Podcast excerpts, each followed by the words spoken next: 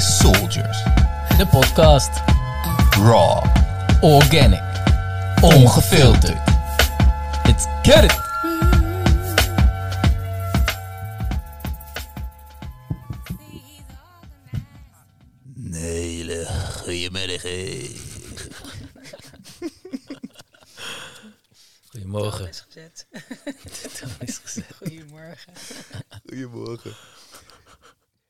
Eigenlijk ooit een aflevering in de ochtend opgenomen? Geen idee. Kan niet. maar lekker man, koffietje erbij, theetje, Mm. Chocolaatje. chocolade. lekker man. Nou, Mm. eh, ehm, bekend recept. Ehm, eerst even mediteren. Hoeven volgens mij niet meer uit te leggen. Hè? Landen in hetzelfde veld, et cetera. Ehm, dus ik ben benieuwd, Sjoerd. eh, hoe was het eh, vandaag voor jou? Ja, het was een hele eh, stabiele meditatie. Heel grondend. Lekker om in mijn lichaam te zakken. En ik vroeg me even af van, ja, hoe komt dat nou dat het dan weer zo stabiel is? Er zit natuurlijk een enorme powervrouw weer bij ons. Ehm, dat op één, maar ook twee. Ik voel me thuis in Marokko. Dat is. ja, daar ben ik echt. Ik ben er één keer geweest. Echt zo'n fucking gruwelijke vakantie gehad daar. En eh, iedere keer als ik hier ben, um, Oemi's Room heet het daar, dan eh, ja, krijg ik weer daar wat, eh, ja, komt het weer naar boven. En ehm, dit is natuurlijk niet alleen Marokko. Ik voel ook wel echt meer dan Marokko. Het is echt, hangt een hele mooie diversiteit hier. Dus ehm, ik voel me hier heel chill. En die meditatie, die, die gaf me die spiegel. Dus heerlijk. Lekker. Ja. Klinkt goed. Ja, die, ehm, ik zat tijdens de meditatie. Nou ja, hè, is inmiddels ook al je bekend recept. Ik heb weer heel veel raakvlakken met wat jij nu eh, wat je vertelt. Maar ehm, het is voor mij echt heel interessant om te merken hoe die meditaties dan weer verschillen van elkaar. Elke keer met iemand anders. En uh, nou, vorige aflevering, hè, dat, uh, dat was beladen, daar staat veel achter. En uh, ja, dat merk je dan ook in je lichaam. Er gebeurt dan zoveel. Um, en vandaag was hij clean, man. Mm. Hij was zo ontzettend clean. Dat is echt... Uh, Snel ook. Ja. Niet veel voor het gebeuren was. Ja, pop. Heel, heel clean, heel helder, heel zuiver. En uh, ja, nee, dat was heel, uh, wel heel bijzonder om te merken wat, uh, wat iemand zijn presence dan kan doen met, ja, met het energieveld waar je in zit, zeg maar. En dat, ja, dat vond ik, wel, vond ik wel heel bijzonder om te merken. En ja, ook ik, ja, die Arabische vibes, man. Ik voel dat ook. ik, ik, ik zat niet aan de chill. Ik denk, volgens mij ben ik ergens in vorig leven ook Arabier geweest. Want dit is echt, ja, dat was goed, man. En jij, Senna, hoe was je meditatie? Um, jullie zeggen, we gaan mediteren. Ik dacht, ja, dit heb ik echt nodig. Mm. Want ik was echt uit bed gerold. Heb jullie ontvangen. Um, ik denk dat het voor mij uh, even duurde om echt in te komen. Ik was heel erg in mijn lichaam. Ik voelde van alles. En uh, tegen het einde aan, toen kreeg ik ineens de inspiratie om um, mijn lichaam te lokken op bepaalde plekken. Dus ik ging spelen met mijn ademhaling. En ineens kwam ik, dus ik begon zeg maar bij mijn root, die lokte ik wanneer ik uitademde. Daarna bij mijn navel ging ik hem lokken terwijl ik uitadem. Daarna bij mijn solar plexus en dat ging steeds hoger. En ineens voelde ik iets wat ik eigenlijk nooit eerder heb gevoeld. En dacht ik, oh, shit, dit moet ik echt gaan oefenen. En toen pling, ging dat belletje af. Zo van, oké, okay, we zijn klaar. dacht ik, oh shit, net te weinig tijd. Mm. Maar dit moet ik echt even opschrijven. Mm. Om wel mee te gaan oefenen. Dus ja, ja je, ik, je, je, kan gewoon terugluisteren. Je hoeft het niet uh, op te schrijven. Goeie reminder.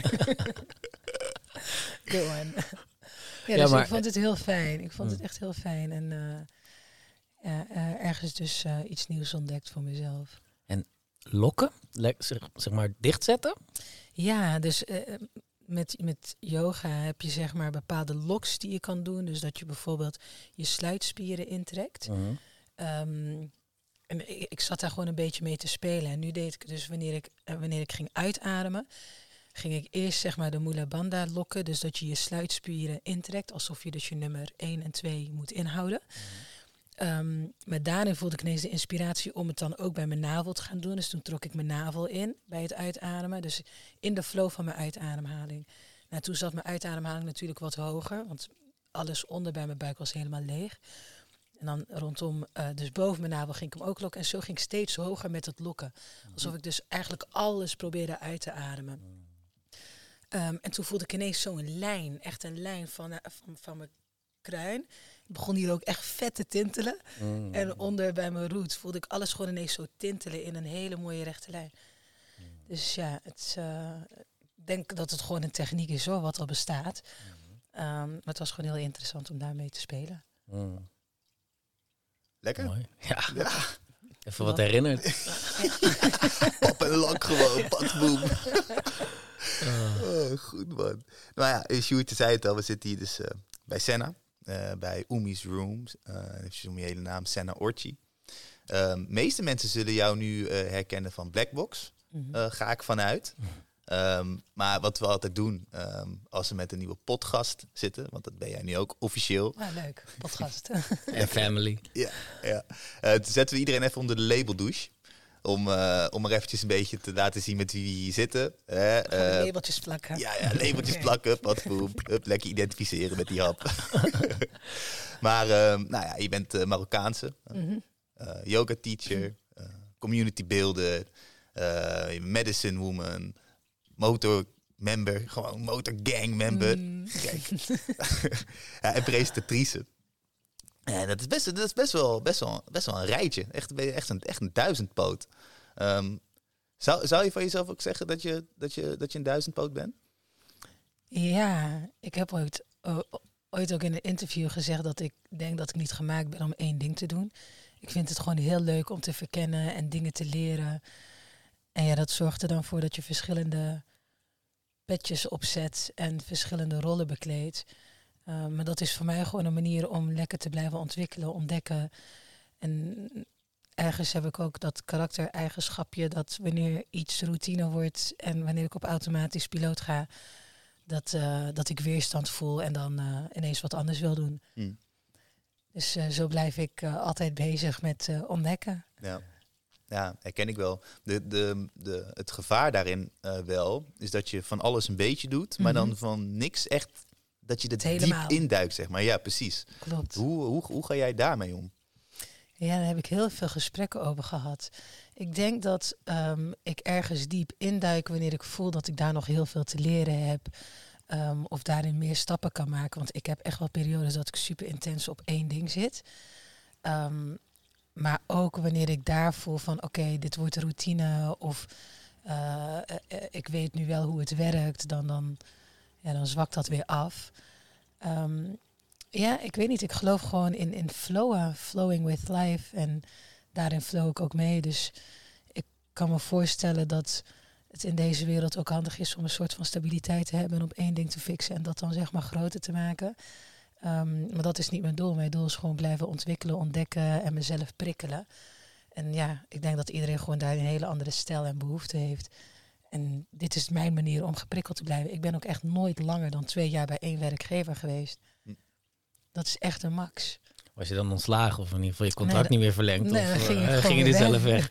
ik, ben, ik werk als ZZP'er. Ik heb altijd als ZZP'er gewerkt. Um, de keren dat ik op uh, loondienst was, uh, is niet heel vaak geweest. Maar dat is dus ook omdat ik die vrijheid wil hebben. En is het altijd uh, nou, max twee jaar. En dan uh, mm. Kijk ik of binnen de organisatie of er wat anders is. Nou, dat is dan vaak wel gelukt binnen twee jaar. En als dat na twee jaar niet meer lukt, dan ga ik weer wat anders doen. Ja, herkenbaar. Ja. ja. En we zitten hier uh, dus bij Umi's Room. Hier uh, gebeuren heel veel mooie dingen. Mm. Jij woont hier ook. Ja. Uh, wat wat gebeurt hier zoal? Um, er wordt uh, oud-Afrikaanse yoga gegeven. We doen ademsessies. Um, we doen ceremonies met plantmedicijnen. Um, groepsessies, sister circles met volle maan. ja, community gatherings. Dat we gewoon leuk met vrienden samenkomen. Artiesten erbij hebben. Gaan we gewoon lekker chillen en dansen. Er gebeurt hier echt van alles. En ik stel de ruimte ook beschikbaar voor andere mensen die hele toffe dingen doen. En zo brengen zij weer hun aanhang mee. En doen we met z'n allen gewoon hele toffe dingen. Dus ook dingen als kambo, ayahuasca. Dat gebeurt hier ook allemaal in deze ruimte. Dat doe ik niet zelf. Maar dat, dat gebeurt dan uh, omdat andere mensen de ruimte voelen. Uh, voelen en graag in gebruik nemen. Ja, wow. Ja, echt, echt van alles. En ehm, nou, ik zei het net ook al, ook, ook presentatrice. De meeste mensen die kennen jou van Blackbox. Ehm, nou, ook al, alle andere dingen die je noemt, hè, eh, voor de camera staan, maar ook voor een groep staan, eh, mensen samenbrengen. Ehm, bij mij kwam er eigenlijk direct binnen van, ja, dat, dat is in de spotlight staan. Eh, vind je dat ook echt fijn om in de spotlight te staan? Hmm. Als kind vond ik het altijd wel leuk om in het middelpunt te staan. Ik ben ook letterlijk eh, middelste in het gezin. Ik heb twee, ik heb een broer en een zus boven me en ik heb twee zusjes onder me. Dus ik sta er ook precies middenin. Eh, dus dat is iets wat ik gewend ben. Maar media kwam niet per se omdat ik in, ehm, in de spotlights wilde staan. Sterker nog, eh, het is heel anders gekomen. Ik, ik was eigenlijk gewoon op een ehm, event waar ik geïnterviewd werd door iemand van NPO. Destijds was dat, eh, heette dat nog geen NPO, NTR. En ehm, nou, dat zeg ik helemaal verkeerd. Nederlands publieke omroep heeft, heeft altijd zo geheten, maar het is eh, NTR. en ik werd geïnterviewd door die gast. En hij vond mij iets te brutaal in het gesprek. En hij zegt, jij bent zeker ook verslaggever. Je zit mijn gesprek te kapen. Ik zeg, nee, ik ben helemaal geen verslaggever. Maar we hebben gewoon een gesprek. En ja, jij stelt mij vragen. Dan mag ik toch ook gewoon vragen aan jou stellen. Het is toch gewoon een gesprek. Ik zeg, nee, ik ben degene die je interviewt. Maar ik vind wel dat je het leuk doet. Misschien zou je toch eens moeten overwegen om eh, iets met verslaggeving te gaan doen. Nou ja, daar werd gewoon een zaadje geplant. Want ik ambieerde dat helemaal niet of zo. Sterker nog, ik was bezig met mijn opleiding economie. Maar eh, we hadden wel contact gehouden. En twee maanden later kreeg ik een mailtje van hem mee van... bij NTR zoek een verslaggever. Misschien wil je het eens proberen. Dus dat ben ik gewoon gaan proberen. Maar ik had geen ervaring. En ik heb een screentest gedaan. En als je die terugkijkt, hield ik mijn microfoon letterlijk voor mijn neus. dus je je ziet gewoon dat ik super... Voor je neus. Ja, nee, echt. Het is gewoon... Het is niet voor mijn mond, maar voor mijn neus. Die Prada gewoon.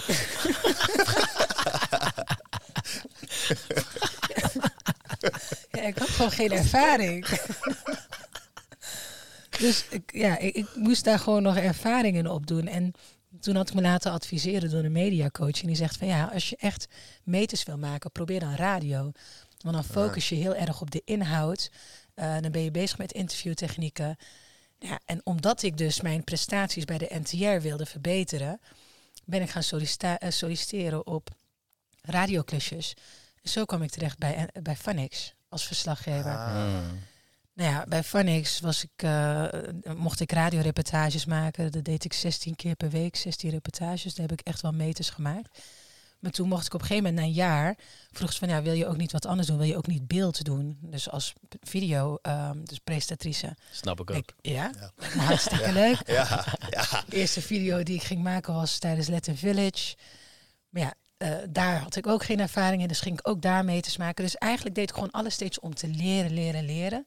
En niet per se om in de spotlights te staan. Zelfs toen ik hoorde dat AT5 een nieuwslezeres nodig had, dacht ik, eh, ik heb helemaal niks met nieuws. Ik kijk geen nieuws, maar ik kan niet lezen. Ik wil best leren lezen. Ik ging terug naar een kindertrauma. Ik denk, ja, in, in groep 3, 4 moesten we altijd in een, eh, in een groep lezen. Dus toen ik gebeld werd met AT5, zoekt een nieuwslezeres, werd er gewoon iets in me geraakt. En ik werd ineens super onzeker. En ik voelde me ineens bekeken. En nou ja, ik hoorde nog bijna geen gelach. En toen ik ophing, dacht ik van, wat is dit? Waarom voel ik dit? En toen ging ik dus echt even terug naar een kinderstuk van groep 3, 4. Dat we dus in een klas gezamenlijk moesten lezen. Dus dan zegt de juf, nou, begin jij maar. En dan begint de leerling begint dan te lezen. En dan zegt ze stop. En dan moet de leerling stoppen. En dan wordt iemand anders aangewezen. En dan begint iemand anders hardop in de klas voor te lezen. En ik vond altijd dat andere kinderen dat heel mooi en heel goed deden. Maar wanneer ik dan moest lezen, was echt eh, eh, eh, eh, opnieuw beginnen. heel veel haperen en stotteren. En weet je, heel monotoon. En daar werd ik voor uitgelachen. En ik dacht, ja, maar dat wil ik niet. Ik wil me niet zo voelen als ik hoor dat ik iets moet lezen. Terwijl ik, eh, wat, 4, 25 ben. Dus, eh, Is dat omdat je, eh, zeg maar, je ouders spraken die goed Nederlands? eh, Ja, ik ben wel dubbeltalig opgevoed. Ehm, dus ik weet niet per se of het aan ehm, of het daaraan ligt. Ik denk, ja, ik weet het eigenlijk helemaal niet. Mm. Ik weet alleen dat ik gewoon echt niet de beste lezer was. En zelfs mijn eerste screentest bij AT5, want dat was uiteindelijk de reden dat ik deed. dacht ik, ik wil gewoon leren lezen. Mm. Ik wil dat kunnen. Ik wil, zo, ik wil op die manier kunnen presenteren. Is gewoon een bepaalde honger om, om, om iets onder, uh, onder de knie te hebben. Uh, nou ja, als je kijkt naar mijn screentest, joh. Ik heb bij mijn afscheid van AT5, want ik heb daar uiteindelijk uh, volgens mij twee jaar gewerkt. Toen kreeg ik bij mijn afscheid een CD-ROM. Een cd'tje met een screentest erop. En die had ik thuis bekeken. Ik dacht van, wat de is dit? Ja, je mag je gewoon zeggen hier hoor. wow. En ik, ik, ik, ging de volgende dag terug naar mijn hoofd en ik, ik zeg, ik heb een screentest gisteren gezien, maar wat erg. Hoe kan je me hebben aangenomen op basis van mijn screentest? Het is echt verschrikkelijk. Wat zeiden ze? Nee, hij zegt dat klopt, maar je was ook niet goed op dat moment. Maar daar kijken we ook niet naar. We keken naar uh, kunnen wij jou maken? Kunnen wij jou opleiden? Mhm. Dus ja, dat je op dat moment nog niet zo goed leest, uh, dat is één ding. Maar we kijken naar hoe snel pak jij feedback op. Dus als wij zeggen lees wat sneller, dan las jij sneller. Als we zeggen van meer pauzes of doe dit anders, dan, dan pakte je dat meteen op. Dus wij zagen dat, dat er ruimte is voor groei. En we zijn een kweekvijver, uit die vijver is een kweekvijver. Dus wel eens iets van nee, dat, dit gaat helemaal goed komen. Nee, en ik heb daar uh, in totaal echt wel uh, duizend uitzendingen gedraaid. En ik heb heel veel meters gemaakt. En ja, dat presenteren, dat, uh, dat lukt niet wel. Ja, ik, wat, kijk, als je zegt van... Um, ik werd er heel onzeker van, het idee dat ik moest gaan lezen. Ja. je ging direct terug naar kinderstukken en zo. Dat is, dat is gewoon schaduwwerk. Ja. Um, ga, je omschrijft nu net van ik had een bepaalde honger om dat dus te gaan doen. Mhm. Eh, is dat hoe je even ook vaker reageert op, op onzekere punten, uh, schaduwdingetjes die je achter je, bij jezelf achterkomt? Ja, ik ben heel bewust uh, bezig met schaduwwerk, echt al jaren. omdat ik geloof dat in je schaduw, in het duister, daar zit heel veel kracht. Op het moment dat je terug kan gaan naar je schaduw, um, dan kun je gewoon heel veel dingen transformeren naar het licht. Dus um, ik probeer gewoon altijd uit mijn comfortzone te stappen en dingen anders te doen dan hoe ik het normaal doe. Weet je, ik, uh, hier in uh, Amstelveen kan het best wel donker zijn op het toilet, dat je echt helemaal niks ziet. En ik, ik ga gewoon lekker donker naar het toilet, gewoon helemaal in het duister. en ja, of douchen. Dat doe werk hoor. nee, maar dat is ook het douchen. Dat is schaduwwerk, want ik was, uh, ik was altijd ook een beetje bang in het donker denk ik, maar ik wil me niet bang zijn in het donker. Dus dan begin ik op die manier. Eerst deed ik het met kaarsjes, daarna minder kaarsjes en daarna gewoon geen kaarsjes. Ga maar douchen in het donker. Ga maar gewoon voelen waar alles zit en niet bang zijn. Je kent de douche, er gaat geen douchemonster uit het putje kruipen. Dus het is gewoon echt jezelf blijven leren en uh, overstijgen in bepaalde dingen. Want het zijn uiteindelijk allemaal kinderstukken of kindertrauma's.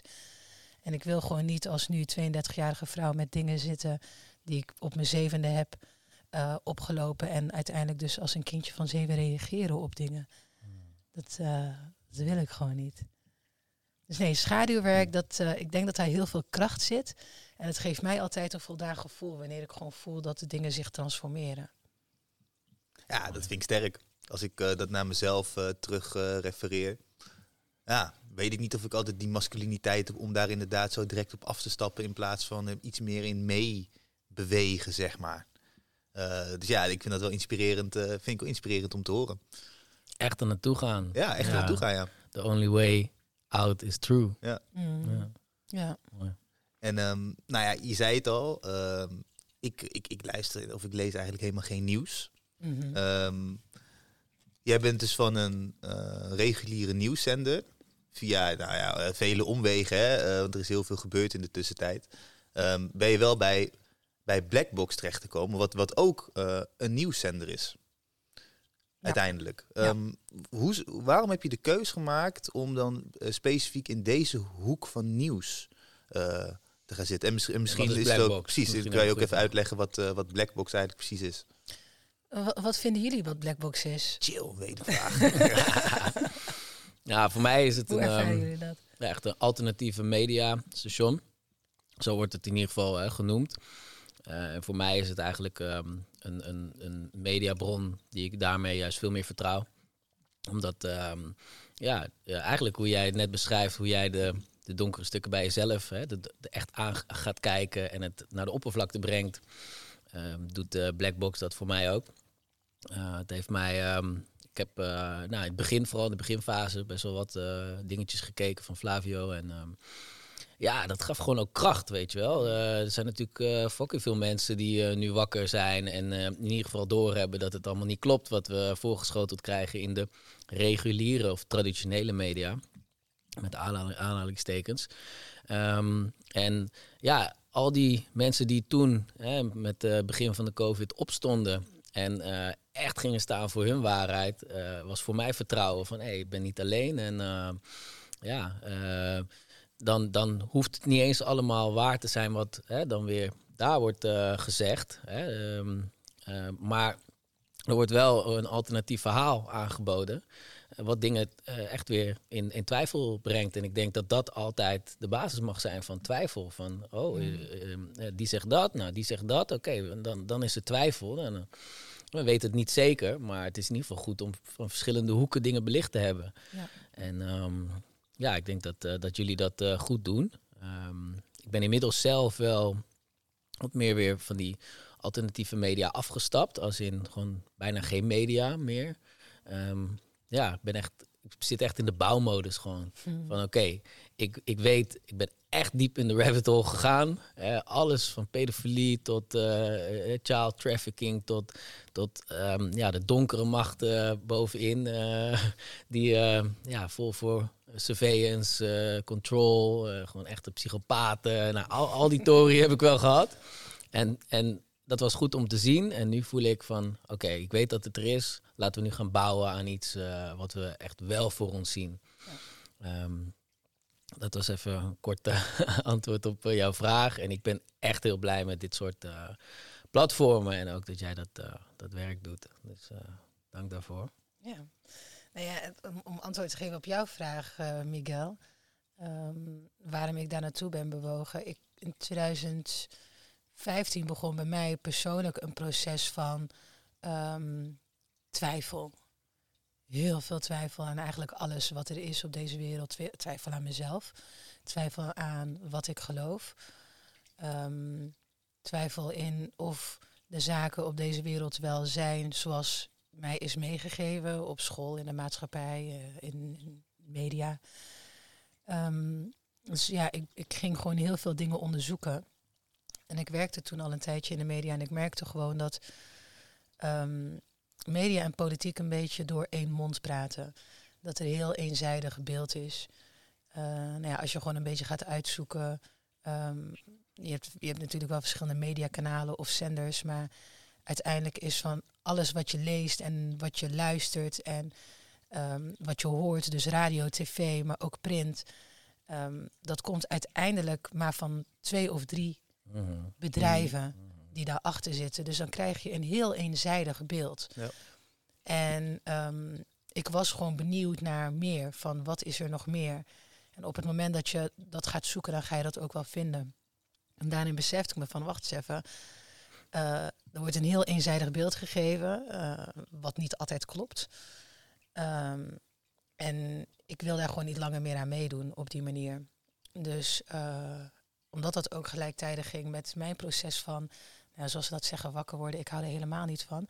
Maar mijn spirituele groei. Ja, eh, gewoon spiritueel groeien. Want ik heb genoeg mensen die zeggen dat ze wakker zijn. En ik van, nou, en daar en daar en daar slaap jij echt nog.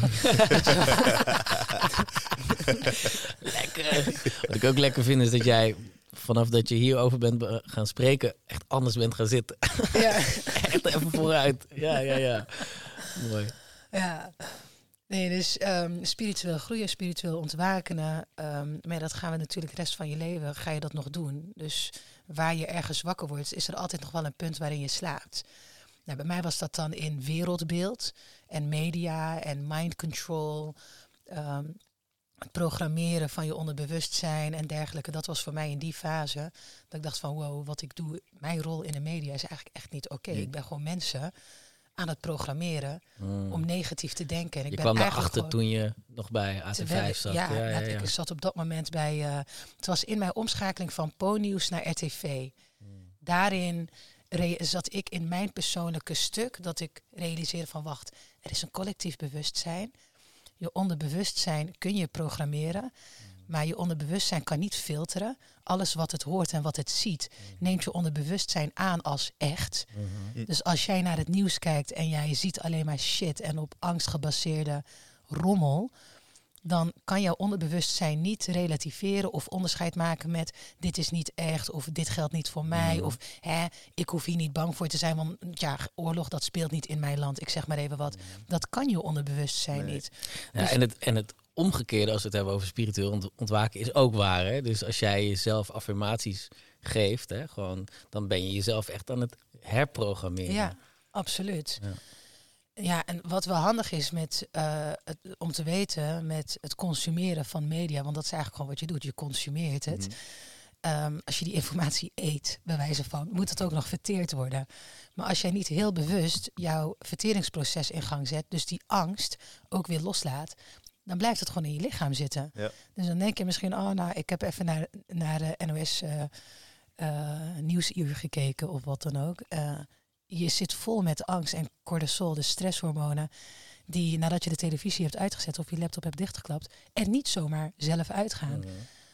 Dus, ehm, en toen ik me dat ging realiseren, dacht ik van, ja, maar dit is echt niet oké wat ik doe. Mijn, mijn, mijn functie is niet oké. Dus ehm, toen ben ik gestopt. Ik hele andere dingen gaan doen. Ik had zoiets van, ik ga echt alleen nog maar de dingen doen die ik leuk vind voor mezelf. Maar ja, daarin eh, eh, ben ik ook heel veel dingen gaan doorgeven. Ik deed heel veel yoga, ademsessies, meditaties.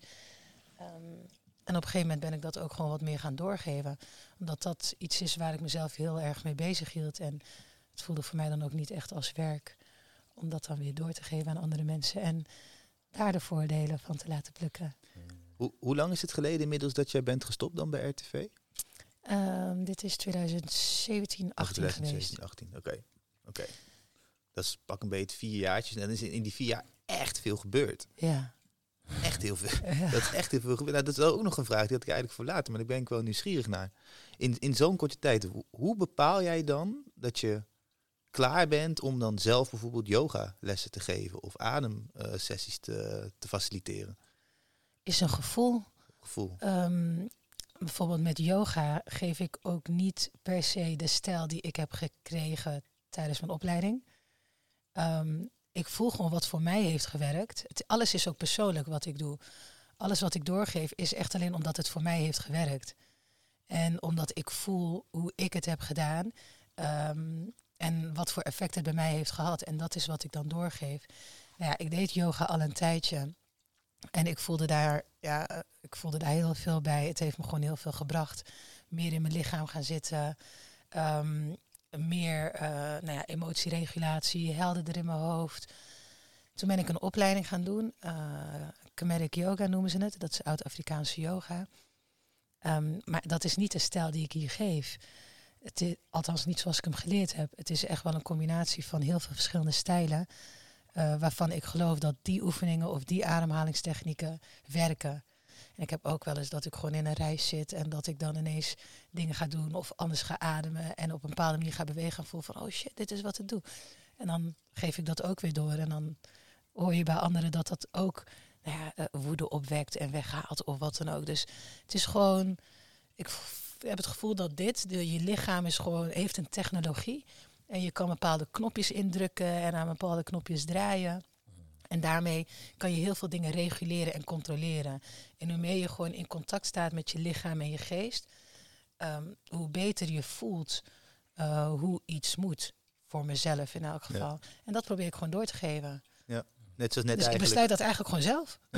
Ja, ja, sterk. Sterk.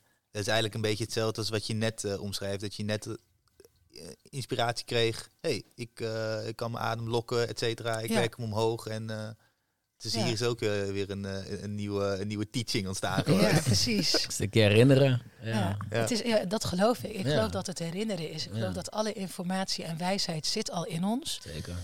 Uh, we just need to access it. En dat is wat we eigenlijk gewoon continu aan het doen zijn. Herinneren, herinneren, herinneren. Ja. Het gaat alle kanten op lekker. Ja, want ik bedenk me nu dat ik eigenlijk twee vragen geleden nog steeds niet volledig antwoord heb gegeven op jouw vraag van waarom ben ik uiteindelijk naar Blackbox gegaan. Ja. Dus ik ben weggegaan omdat ik dacht van oké, ik ben weggegaan in reguliere media omdat ik dacht ik wil hier niet meer aan meedoen. Mind control, ehm, angst inspuiten.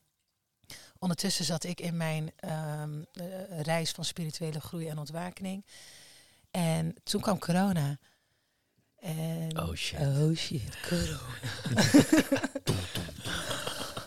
Ehm, nou ja, toen zat ik al ehm, in, in het lesgeven en, en ademsessies en dergelijke. En eh, ik keek helemaal geen programma's consumeren van media op geen enkele manier. Ja, scrollen op mijn Instagram, dat was mijn manier van media consumeren. Maar eh, verder niks. Ehm, toen merkte ik bij mijzelf een hele grote behoefte aan ander soort geluid. Omdat ik merkte dat het vooral binnen mijn familie, en dan heb ik het echt over het hele, hele begin. Uh, nou ja, niemand weet wat er gebeurt en lijkt alsof de pleuris is uitgebroken. Dus wat gaan mensen doen? Die zetten massaal de tv aan en die laten zich informeren. Niet weten dat de type informatie die je ontvangt niet de volledige waarheid is. En, eh, Zacht uitgedrukt. ja, precies. ik probeer nog heel objectief te zijn. nou ja, en ik merkte vooral, het was mijn moeder die, die dan eh, wel eens terugkwam bij me met, met informatie van ja, we moeten dit of we gaan dat en we zullen dit. Dus dat ze eigenlijk gewoon aan het herproduceren was wat ze dan had gehoord of gezien bij NOS of een RTL Nieuws of noem maar op. Ergens dat, hè? Ook als je... Ik vond het zo moeilijk met mijn eigen familie.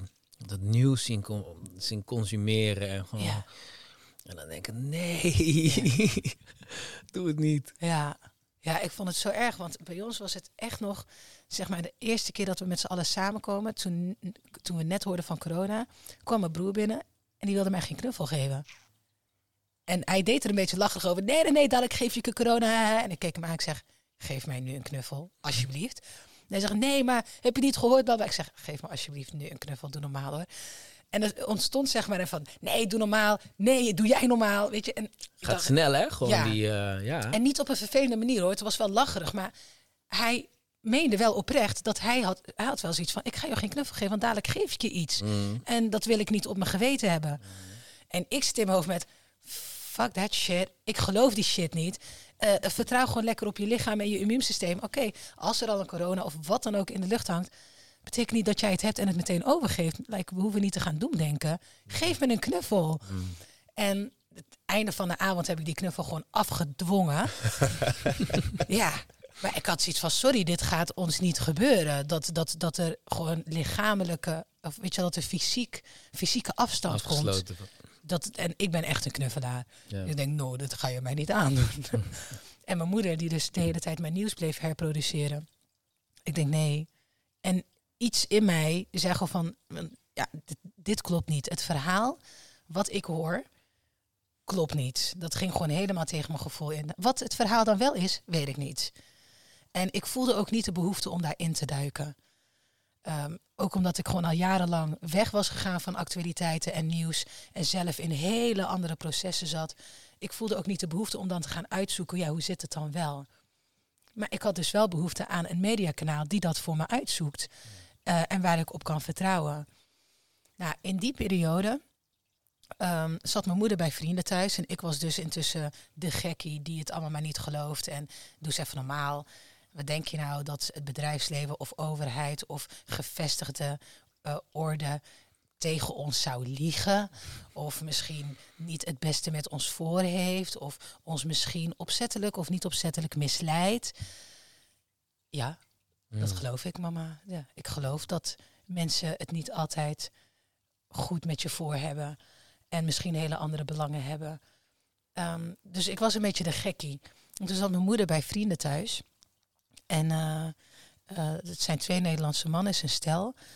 En eh, zij, hij liet ineens vallen tussen en lippen door van... Nou, ik, ik merk dat ik toch een beetje twijfel. Ik geloof het niet helemaal, wat er allemaal wordt gezegd. Ja, gingen ogen, haar open, ogen gingen open. Ze dacht, wacht eens even. Dit geluid herken ik van mijn gekke dochter. Dat zei ze ook. Ze zei, ja, maar wacht, mijn dochter zegt dit ook. Maar waarom denk je dat? En toen begonnen zij dus erover te praten. En omdat mijn moeder het dus ook van andere mensen ging horen, Ja, ja, ehm, werd het een optie voor haar. Het zaadje was al geplant. Juist. Maar ja, als je dan van je directe omgeving hoort, neem je het misschien niet altijd aan. Nou, nu hoorden ze dus ook van andere mensen. En niet alleen haar dochter, maar ook hè, eh, Marokkanen, Nederlanders. Dus het is ook niet alleen. Weet je, soms dan denk ik van ja, jij weet het misschien niet. Want jij denkt gewoon hetzelfde als Mhm. ik. Wij zijn allebei Marokkanen en misschien gewoon wantrouwend naar. Terecht ook. Ja. ja. Ehm, nou, en zij hadden zoiets van, ja, wij willen dit uitzoeken en wij zijn bezig met een boek. Eh, we willen jouw dochter spreken. Contactgevers uitgewisseld. En ehm, ze waren op dat moment bezig met het boek eh, The Truth is Out There. Zo heet dat. En het is eigenlijk een boek waarin ze verschillende schrijvers, wetenschappers en mensen hebben gevraagd om één onderwerp te kiezen. Dat te gaan uitzoeken.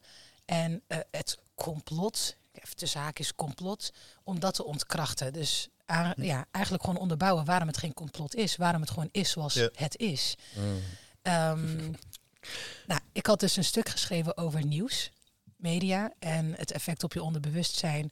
Nou, ja, de geschiedenis, hoe het wordt ingezet, ehm, hoe eigenlijk je brein geprogrammeerd wordt. En Mass daarom psychology en dat soort dingen. Ja. massahypnose. ja, mass, ja. Dat wanneer jij naar een programma kijkt, dat je wordt geprogrammeerd. Daarom heet het een programma.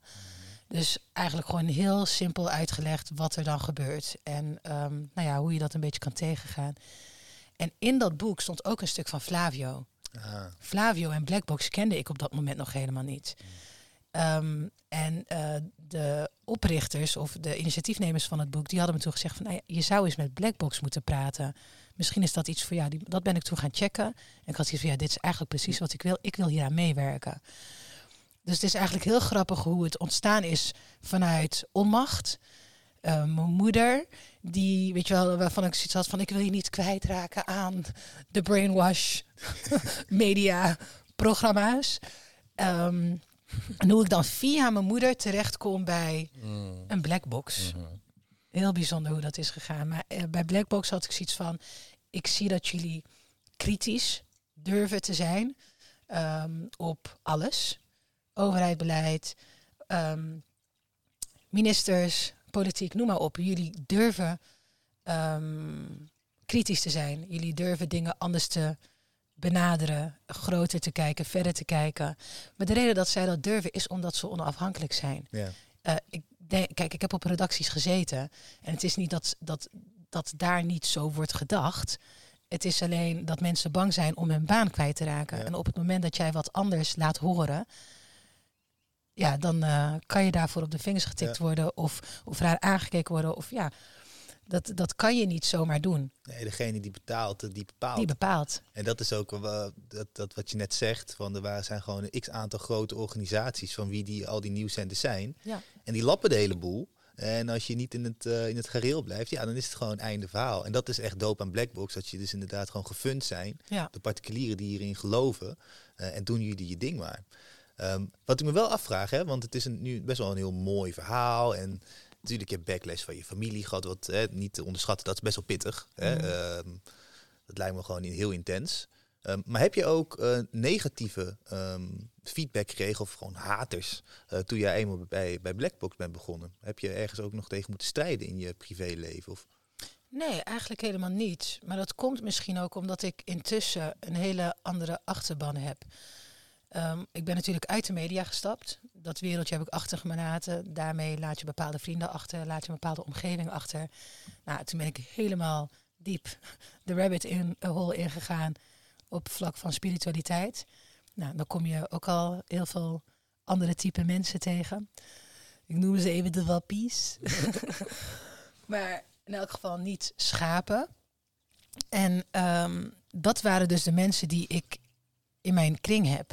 Dus het moment dat ik naar Blackbox ging, waren dat ook, dat waren de mensen waar ik ehm, feedback van kreeg. Maar Ja. dat was dan vooral van wow, vet, fijn, goed. Ik zie het helemaal. Mm. Je komt uit de media, je bent daarna spiritueel ontwikkeld.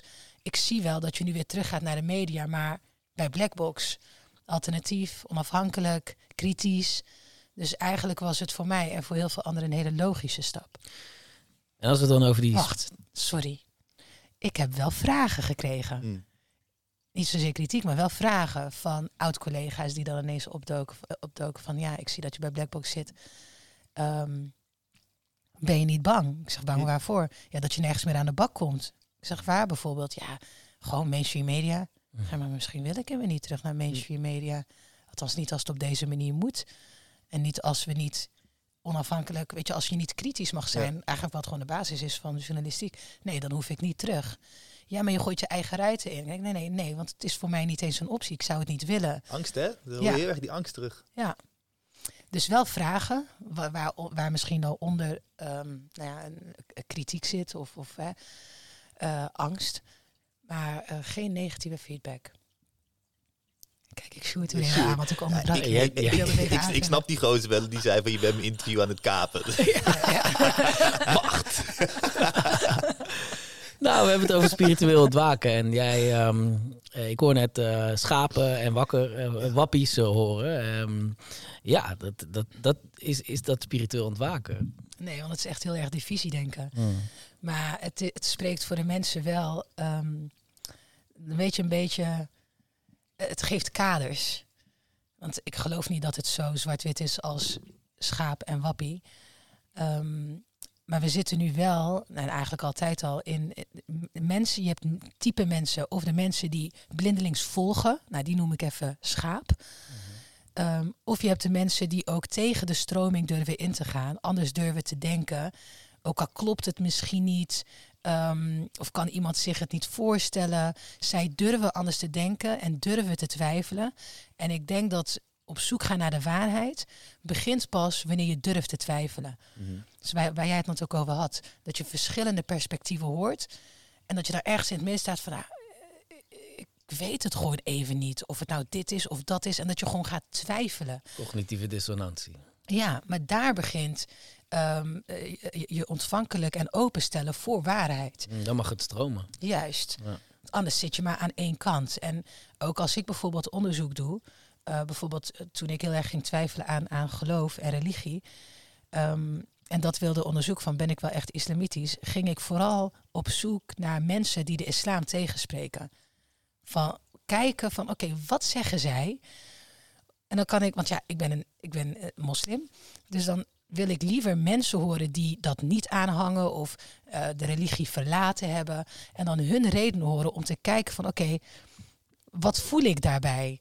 En eh, kunnen zij mij overtuigen? Ehm, ehm, hebben ze een punt? Ja. Dus wat Toch je, weer dat opzoeken van, van die pijn of van die, van die cognitieve dissonantie Ja. of van die confrontatie. Ja, want het is heel makkelijk om te zeggen, nou, ik geloof dit. En daarna onderzoek te gaan doen en alleen maar bronnen te gaan opzoeken die bevestigen Ja, wat je al weet. confirmation bias, ja. Dan krijg ik alleen maar bevestiging van wat ik al weet. Ik wil juist het tegenovergestelde. Want dat is onderzoek doen. Dus ehm, het begint bij twijfelen. Ja, dat is wel, wel grappig, want aan de ene kant, dat is ook de reden waarom ik het vroeg ook van, heb je ook wel eh, negatieve feedback gekregen? Toen zei hij van, nee, eigenlijk alleen maar positief of vragen, maar dat komt dus wel omdat je in dat bubbeltje zit, in je eigen bubbeltje eigenlijk. Ja. Ehm, dus ja, dat is op zich wel grappig dat je zegt van, ik ga juist op zoek altijd naar die andere kant. Ja, leuk. En, en, met, die, en met die termen zit ik net te denken.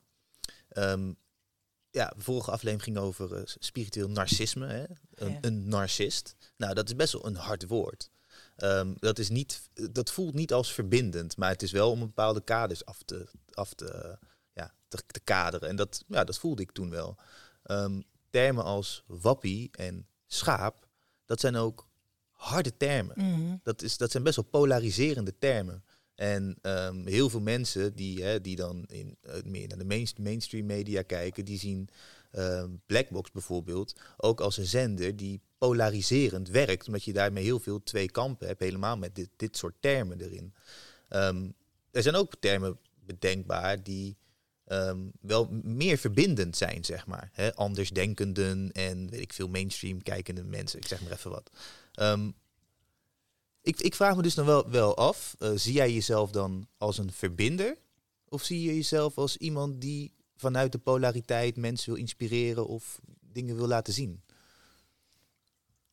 Ik probeer mensen te verbinden met zichzelf in eerste instantie. Dus met al het werk wat ik doe, als je kijkt naar yoga, plantmedicijnen, ademsessies, is vooral gericht op de binnenwereld en de verbinding met jezelf.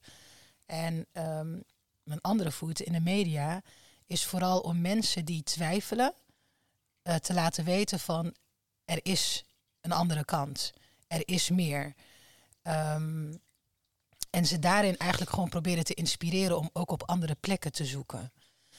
En ik denk dat termen, ehm, zoals bijvoorbeeld wappie en schaap, ja, dat is polariserend. Maar het spreekt ook tot je verbeelding. Ja. Maar, want wakker en slapen is ook polariserend. En het is niet eens duidend. Want wat is een wappie, wat is een schaap, wat is wakker en wat is slaap? Nou, dan gaan we rijmen, wejo.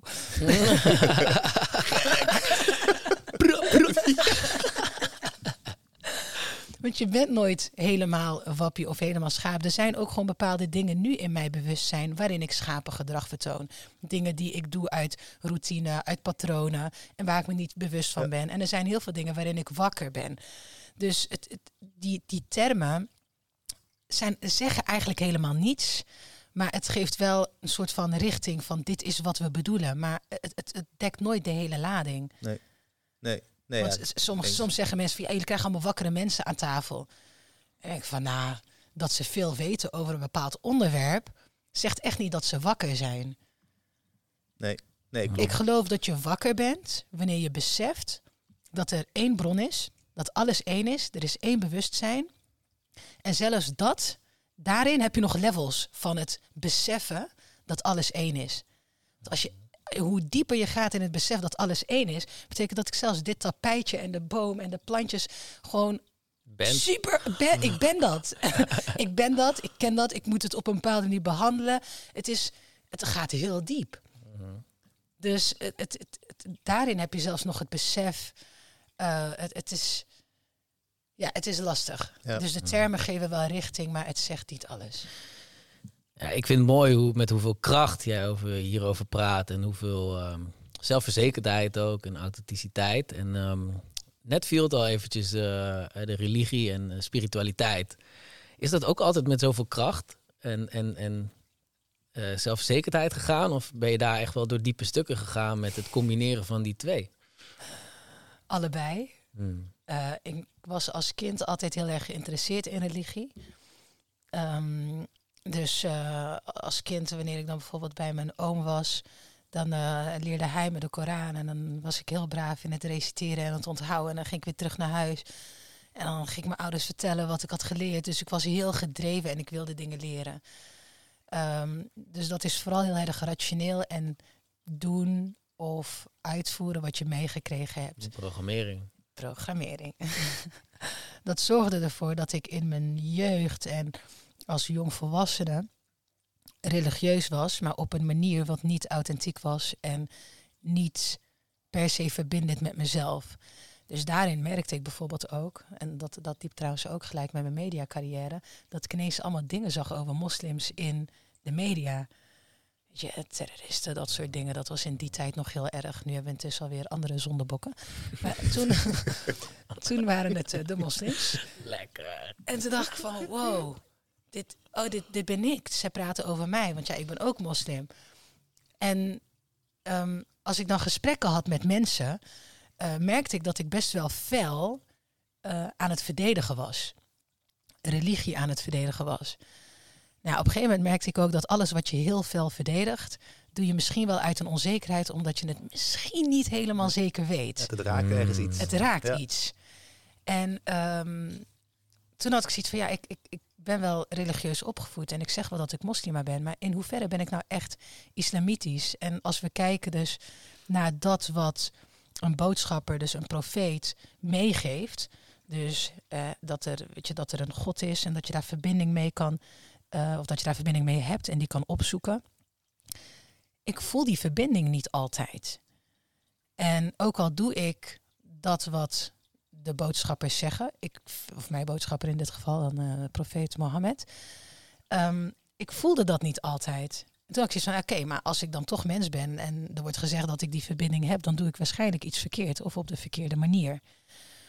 Dus ehm, toen heb ik met mezelf afgesproken om het gewoon helemaal anders te gaan doen en te gaan zoeken, los van eh, de islam zelf. Dus dan ga je al heel snel naar spiritualiteit. Want ik geloof dat spiritualiteit is gewoon een verbinding met jezelf en met alles wat is.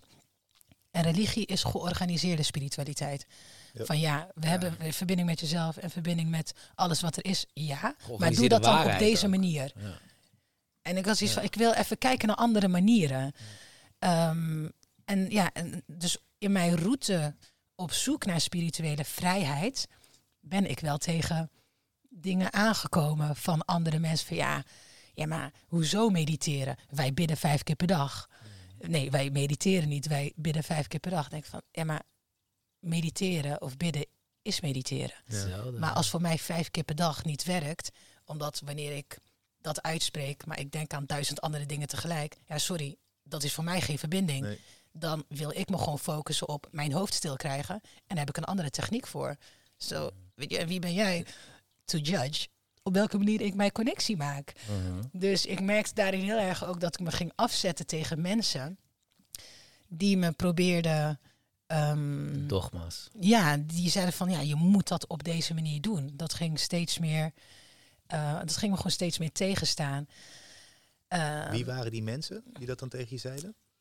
Vrienden. Hmm. Ik heb het met een ceremonieleider gehad, met wie, bij wie ik een reis ben gaan doen. Eh, ik heb zoveel mensen die dus zelf, daarom zeg ik al, wakker is niet wakker. Nee. Dus ik heb wel eens een, een ceremonieleider gehad die beweert heel wakker te zijn. Maar wanneer het dan aankwam op religie, werd er eigenlijk gedaan wat ik deed. eh, eh, Als, als jongvolwassen heel erg gaan verdedigen. En nee, het moet niet op deze manier, het is op deze manier. Dan denk ik van, wacht eens even. Nu ontneem jij mij spirituele vrijheid omdat jij vindt het moet op deze manier. Terwijl ik zeg, het werkt voor mij niet op deze manier. Ja. Dat, dat ervaar ik en dat voel ik zo. Dus wakker is niet altijd helemaal wakker. Ehm, maar dat zijn dus verschillende mensen, vrienden. Niet per se familie, want in mijn familie, eh, in mijn gezin in elk geval, zijn we wel gewoon heel respectvol naar elkaar en kunnen we elkaar wel vragen stellen. Maar het is ook gewoon, doe wat je doet. En we kennen elkaar zo goed en vertrouwen elkaar. Dus we respecteren elkaar daarin ook.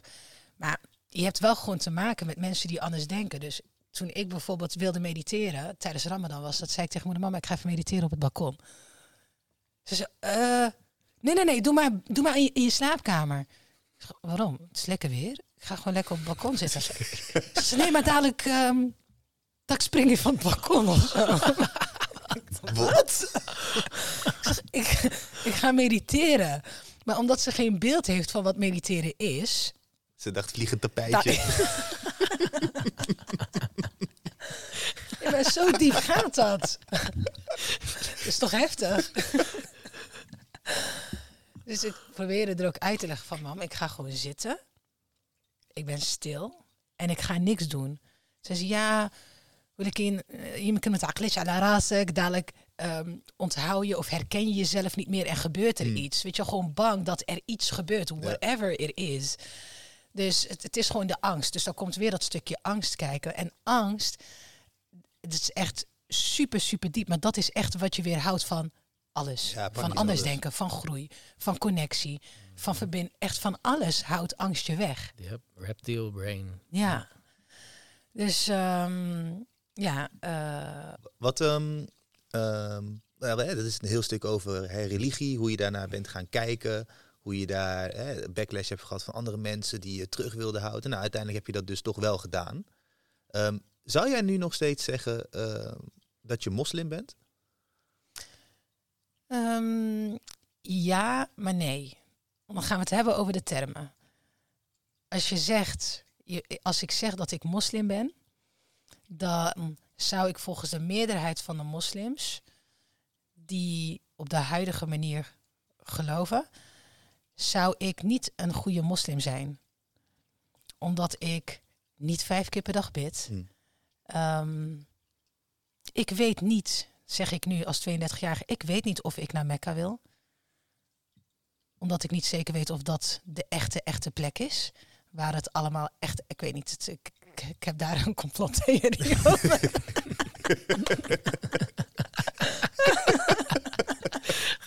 Complot. dus ja, dan ben ik volgens mainstream moslim geen moslim. Maar als je het Senna vraagt, denk van, als je moslim bent, dan zeg je dus dat je gelooft in één God, in één bron. Eh, en erken je alle boodschappers die zijn geweest. Ja. Dus een Jezus, een Mozes, een Abraham.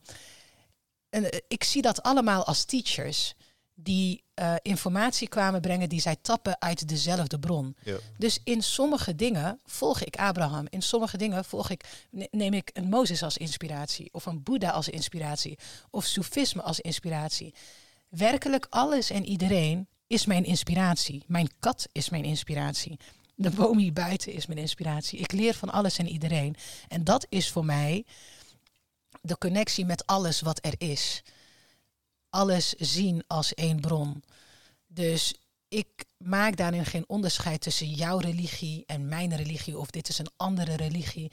Ik, ik haal zelfs mijn teachings uit, de, eh, uit van sadhus. Dus weet je, uit India, echt overal. En ja, dat, dat, dan ben je volgens mainstream moslim niet een moslim. Nee. Nee, maar zo, zo zouden er dus eigenlijk heel weinig moslims zijn. Als je dus echt uitgaat van je moet, je moet dit en dit en dit en dit en dit. Ja. En dan ben je een moslim. Nou, dan eh, we- weet ik niet hoeveel moslims ik ken, moet ik eerlijk, eh, moet ik eerlijk Nee, zeggen. en ik geloof ook gewoon, kijk, de islam is een hele jonge religie. Het is de laatste religie, het is nog een, een vrij jonge religie. Ik denk dat heel veel teachings daaruit ook nog niet volledig zijn begrepen. Dat mensen daar echt bewust van zijn en ook niet geïntegreerd zijn. Plus, voor islam waren er zoveel andere teachings. En ik geloof dat wij mensen continu aan het ontwikkelen zijn. We zitten in een evolutie. En ik beperk me dus niet tot de laatste en de jongste update van religie. Maar het is die, die, de jongste, maar tegelijkertijd ook wel de minst aangepaste, toch? Ja, Er zijn best wel veel geloven die dus eh, de hele tijd hè, de Bijbel herschrijven en alles Ja. herschrijven. Volgens Ja. mij is dat met de Koran niet zo. Klopt dat? Ja, daar zijn ook nog wel eens discussies over. Kijk, je hebt niet dat, dat de Koran gebundeld is en dat dat dan herschreven is. Maar ja, als je gaat kijken naar de, hoe de Koran geschreven is, dat is, dat is een hele lange periode geweest. Want het is eigenlijk gewoon een bundeling van eh, teachings en dingen die gezegd zijn of opgeschreven zijn door metgezellen eh, in de tijd van de profeet. Maar dat is jaren later, en dan heb ik echt na zijn dood, is dat pas gebundeld. Ja, dat vind ik dus met, met al die geloven en ook echt de boeken die, de, hè, die dat bundelen. Het blijft interpretatie ook. Ja. Juist. Dus, dus, dus het is interpretatie van tekst. En Ja. tekst is per definitie ook eh, eh, eh, subjectief, Ja. is, is, is eigenlijk polariserend zelfs, woorden. Dus dat, dat lijntje met die bron is eigenlijk het enige wat echt waarheid is. En dan een individueel lijntje, dus individuele waarheid. Ja, Ja. absoluut. Ja, toen je net omschreef van dat alles jouw inspiratie is, dat je dat vanuit alle geloven haalt, van alle profeten, omdat het wordt eh, getapt uit dezelfde bron, zat ik echt met een glimlach. Ik denk, hell yeah man, daar ben ik het fucking hard mee eens. Ja, Echt fucking hard. Wat dus wel interessant is, want dat is binnen, nou, binnen de Marokkaanse... Oké, laat me het zo zeggen. Jij vertolkt echt een rol binnen de Marokkaanse gemeenschap. Jij ontvangt hier zoveel mensen, je ontvangt hier zoveel Marokkanen... die opeens openstaan voor, hè, tussen haakjes, spiritualiteit. Ehm, terwijl ze dus zich wel identificeren als moslim. Terwijl dat soort, dat soort ja, praktijken, zeg maar, dat is niet gewenst. Ehm, dus daar vertolk je echt een hele mooie rol. Ehm, maar dus wat, wat ik zelf heel interessant vind is, hoe kan het dat die Marokkaanse gemeenschap jou dan wel omarmt met zo'n nieuwe visie? Disclaimer, ik word niet altijd met open armen ontvangen. Lekker! nee, het tegendeel. Ehm, Kon bijna niet anders. nee, nee, helemaal niet. Ik eh, word zelfs door heel veel mensen niet ontvangen en gezien als een gekkie. Ehm, maar het gaat mij niet om de massa. Het gaat mij om die paar die voelen dat het anders, anders is. Want de meerderheid van de bevolking op deze hele wereld zit in een hypnose, slaapt en durft niet anders te denken. En er zitten er een paar tussen ehm, die wel ontwaken. En die het wel, die de moed bij elkaar verzamelen om het te durven, om het te doen. Dat zijn de mensen die ik aanspreek. Hm. Dat zijn de mensen die ik hier ook krijg. En ehm, bij die mensen maken we een verschil. Dus het is niet bij de massa, absoluut niet. Dus als je bijvoorbeeld, als ik een video online zet, dan is misschien 70, 80 procent van de reacties zullen negatief zijn. Wanneer ik echt over hele Confronterende wanneer ik hele confronterende dingen, voor echt sommige dingen worden als heel provocerend gezien. dan is echt wel 70, 80 procent van de reacties heel negatief. Maar dat is mainstream. Ja. Het gaat om die 20 procent wat niet eens reageert en denkt van, oh fuck, er zijn wel mensen die denken zoals ik. Die komen en daarmee maak ik de verbinding. Ja. En dat is zo dope, want Ja. zoveel mensen deinzen daar dus voor terug om niet die, die shit, die bagger over Ja. zich heen te krijgen. En dan toch gewoon doorgaan als een soldier. ja, Ja. Dat is echt... eh, de 20% die niet word. reageert. Dat is echt... ja, daar doe ik het voor. Ja, daar doe ik het Ja. voor. Dat, dat is echt soldier. Dat is echt soldier. Kan je daar wel een voorbeeld van geven? Want we hebben echt onlangs hebben we nog zoiets meegemaakt. Mijn zus en ik werden, vooral mijn zus, ehm, werd door een moslim-influencer eh geëxposed op Instagram.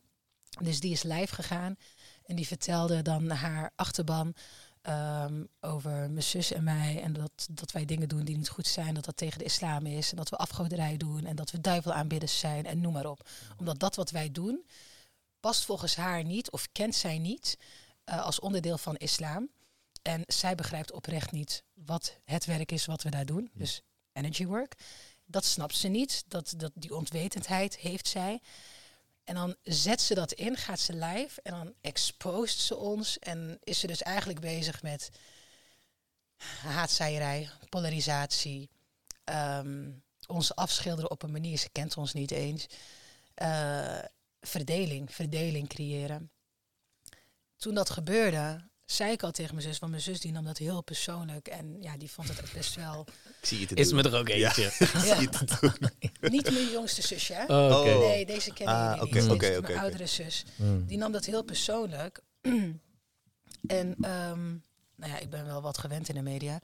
Dus ik zei tegen haar van luister, nu worden gewoon de echte mensen van de neppe mensen worden uit jouw kring gefilterd. Mhm. Wees blij. De mensen die zien wat jij doet, die zullen je steunen, steunen no matter what. En de mensen die niet begrijpen wat je doet, de pottenkijkers, de schaapjes, die zullen nu uit jouw kring gefilterd worden. Wees blij met dit. En ehm, dat, die- de, de heisa heeft ongeveer een week geduurd, waarin ze echt bijna dagelijks live gingen en ineens allemaal andere influencers ook Oh. voelden dat zij er iets over moesten zeggen. en Heftig, man. en moesten ehm, openlijk moesten aangeven dat zij het niet goedkeuren wat we doen. Dus dan krijg je cancelgedrag. Ehm, het duurde een week en na een week kreeg ik ineens bijna dagelijks berichtjes van mensen die ik niet ken.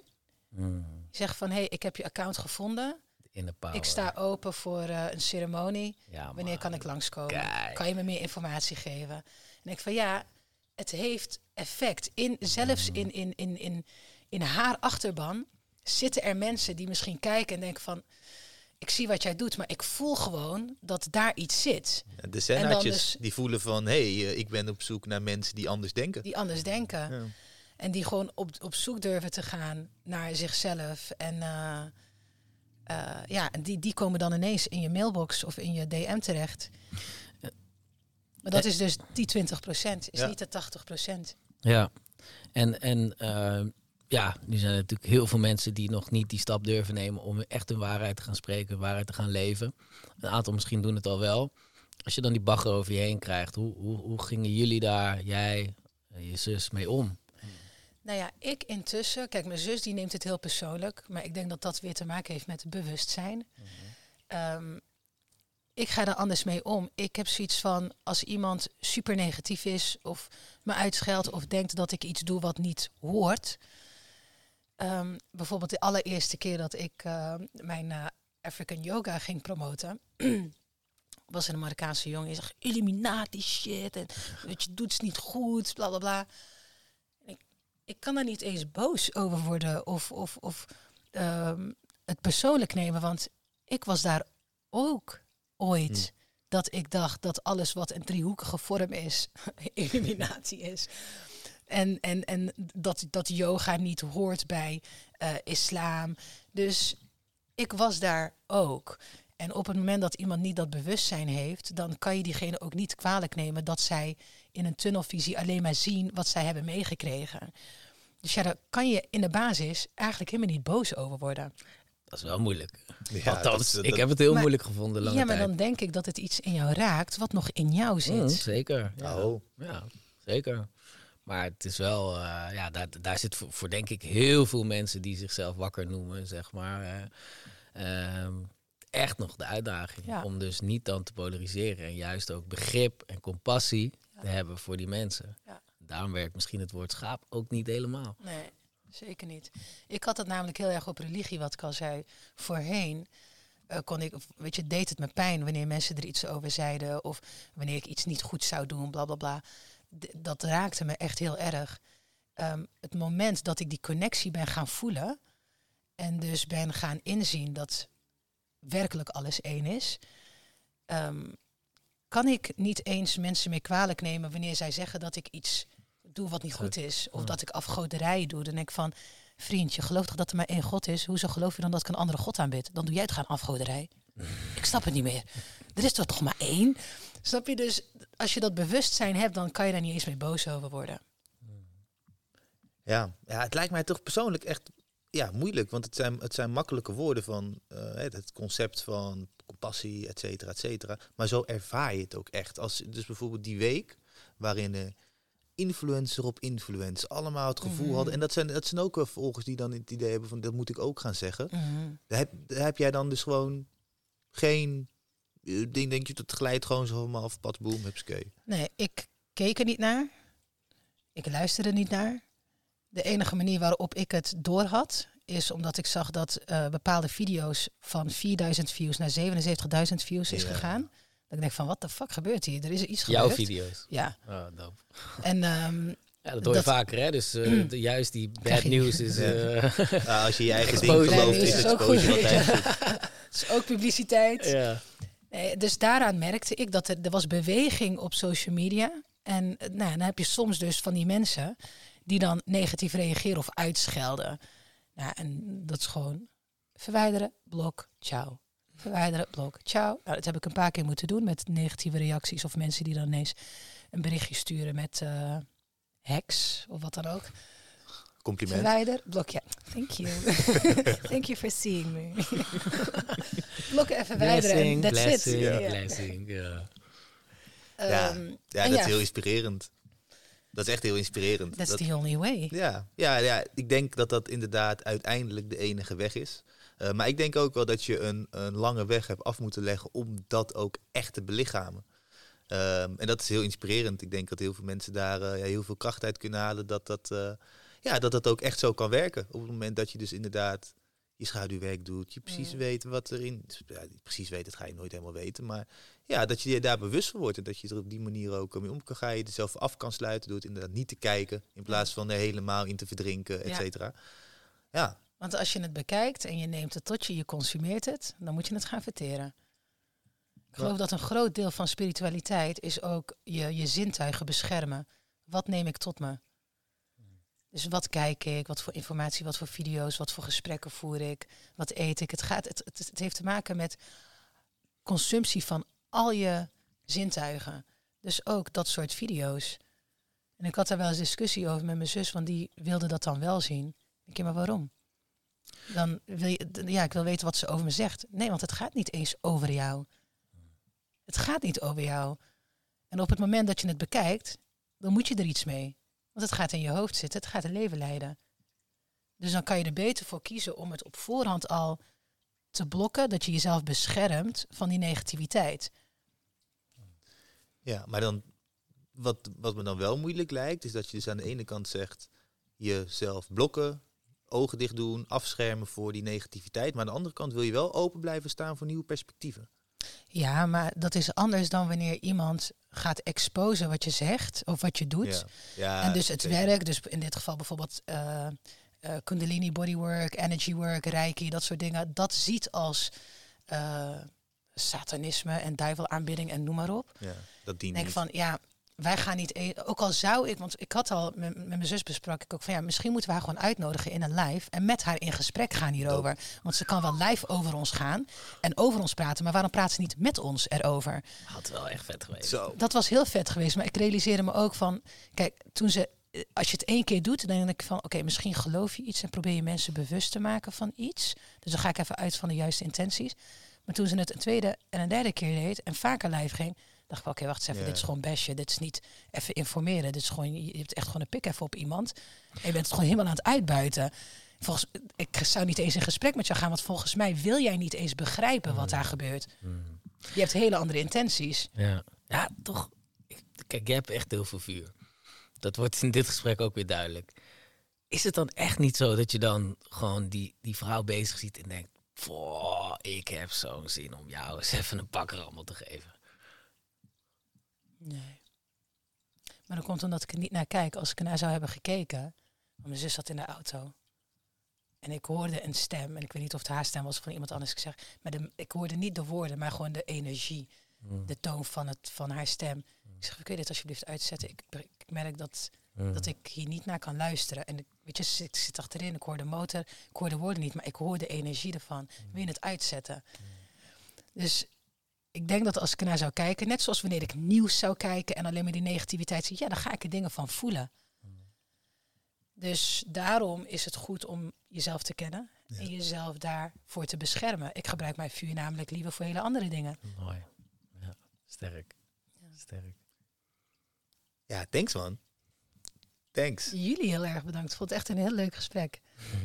Eh, Ik, ik was nou niet zenuwachtig, zeker niet. Want ik heb inmiddels echt wel genoeg vertrouwen dat, eh, dat we gewoon een mooi gesprek kunnen hebben met, eh, met z'n allen. Maar ik had wel zoiets van, oké, wel leuk om eens een keertje met nu iemand te gaan zitten die zelf eh presentatrice is, interviewster of wat dan ook. Oeh, ah, leuke uitdaging, ja zeker. Dus thanks Ja. dat je het zegt. Ja, leuk. Ja, het voelde helemaal niet als een interview. Het voelde gewoon als een, Het is ook een geen gesprek interview. lekker op deze poefjes hier. Ja. op Het is ook echt geen interview. Ja. Family talks. Ja. Ja, heel fijn. En ehm, ik, ik, eh, toch iedere keer als het eventjes echt even lekker over die waarheid gaat, weet je wel, even, toch weer even de boel exposen, dan, dan ben ik gewoon weer blij, weet je wel. Ik heb vaak Mhm. met Miguel gesprekken over eh, van in hoeverre geven we dat een podium en toch iedere keer denk ik, yes, lekker. Gewoon weer eventjes eh, hebben over wat is, weet je Ja. wel. En eh, ja, dank voor het verspreiden van in ieder geval jouw waarheid. Ehm, ja, dat, dat, wakker is niet altijd wakker, is me heel erg bijgebleven. En eh dit deel ik heel erg met je. Ehm, mooi hoe jij eh, de taboe eh, doorbreekt. En ehm, ja, banen opent die geopend mogen worden. En zelf ehm, dat avontuur aangaat. Dus heel veel respect voor. Dank ook voor het mooie werk wat je hier doet. Ja, kom graag nog eh, vaker langs. Altijd welkom. Een paar weken terug nog helemaal losgegaan hier in de woonkamer. Ja. Geweldig. Dus ehm, ja, thanks voor alles wat je doet. En eh, ja, ik heb er ook van genoten. Thanks. Jullie ook heel erg bedankt. En ook voor die fijne meditatie. Die had ik ook echt even nodig. Mm, Je hebt de toon van mijn dag gezet. mm. Ja. Vandaag ga je een mooie reis maken. Ja, ik heb eh, een groep met heel veel mannen en één dame. Dat wordt voor ons voor het eerst. Dat we zoveel mannen in een groep hebben. Normaal is de meerderheid vrouwen of 50-50, maar nooit meerderheid mannen. Dus, eh, en wel heel bijzonder, want we hebben altijd voorgesprekken met iedereen vooraf. Eh, vrijwel alle mannen hebben als thema issues rondom hun moeder. Oké dan. Mama Senna wou even aan net het werk. Dan komen ze bij Umi's room. ja, Mama's room. ja. Ah, Ja. ja. betekent moeder, Mm, bron. mm, Wauw. Ja. Dus ik ben heel benieuwd. Ik, eh, ik ben in elk geval helemaal klaar nu met die meditatie. Van elk geval gegrond. Dus heel erg bedankt dat jullie ook zijn langs geweest, twee mannen. Voor dit fijne gesprek en voor het werk wat jullie doen. Sowieso. Ik weet hoe, eh, hoe kostbaar en tijdrovend eh, content maken kan zijn. Dus echt heel veel respect en waardering dat jullie dat begonnen zijn en nog steeds doen. Thanks. Ja. Ja, ik kan alleen maar zeggen met echt fucking veel liefde. Ja, Echt. ja dat voel ik. Ja. Ja. Dus ehm, ja, dat was hem jongens. Echt eh, genoten. Eh, lekker flowend gesprek. Eh, 23 juli. Hups, iedereen naar onze retraite komen. Het is gewoon tijd. Ja toch, kom op. Ja, ja, ja. Wordt fucking mooi. Dus eh, geen gelul. Gewoon eh, komen. Plezier hebben met elkaar. De hele, hele spelen. Meer info vind je op onze Instagram, meditation.army, soldiers.podcast. Ja. Ja toch? Delen, Spelen. spelen, helen. Ook deze podcast delen. Ja. En eh, spread the word. Ja, kom viben. Oké, nou, doei. Joe, joe.